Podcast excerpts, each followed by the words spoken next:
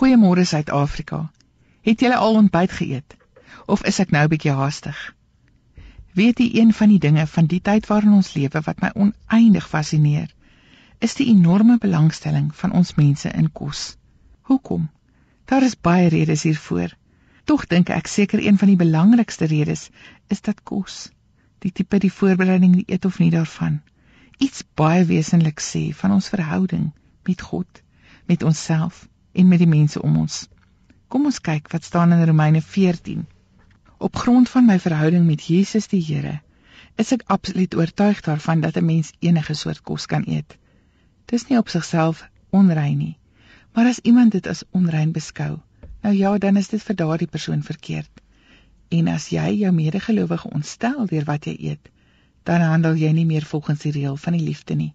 Jy moet tog nie deur wat jy eet iemand se lewe verwoes nie. As God koning is in ons lewe, gaan dit nie om wat ons eet of drink nie. Dit gaan daarom dat ons reg sal lewe en die vrede en die blydskap sal vertoon wat die Heilige Gees in ons bewerk. As jy Christus met hierdie gesindheid dien, maak jy God gelukkig en die mense rondom jou sal jou respekteer. Kom ons streef dus na harmonie onder mekaar en na dit wat ons onderlinge geestelike opbou sal bevorder.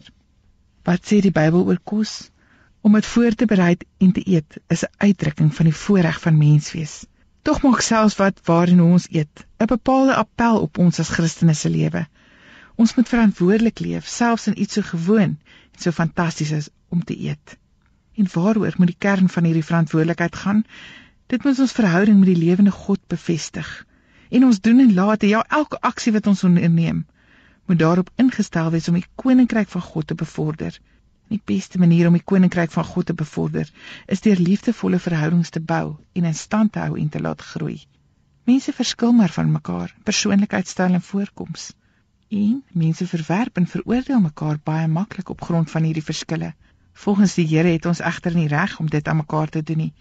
Maar jy het die reg om ander te beïnvloed. En wat is die beste manier om dit te doen? Deur verskriftelik te lewe?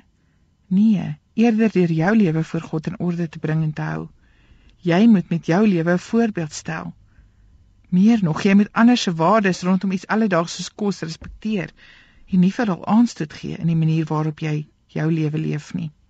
God se eer, God se wil en God se koninkryk moet altyd die basis van jou optrede bepaal. Wat gaan jy vir oggend eet?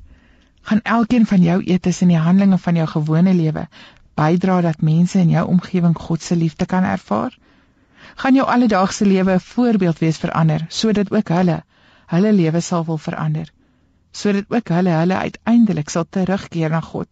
Kom ons bid. Vader, dankie vir kos. Dankie vir die voorreg wat ons het om kos as 'n stuk liefdeskommunikasie in te sluit wanneer ons met ander mense omgaan.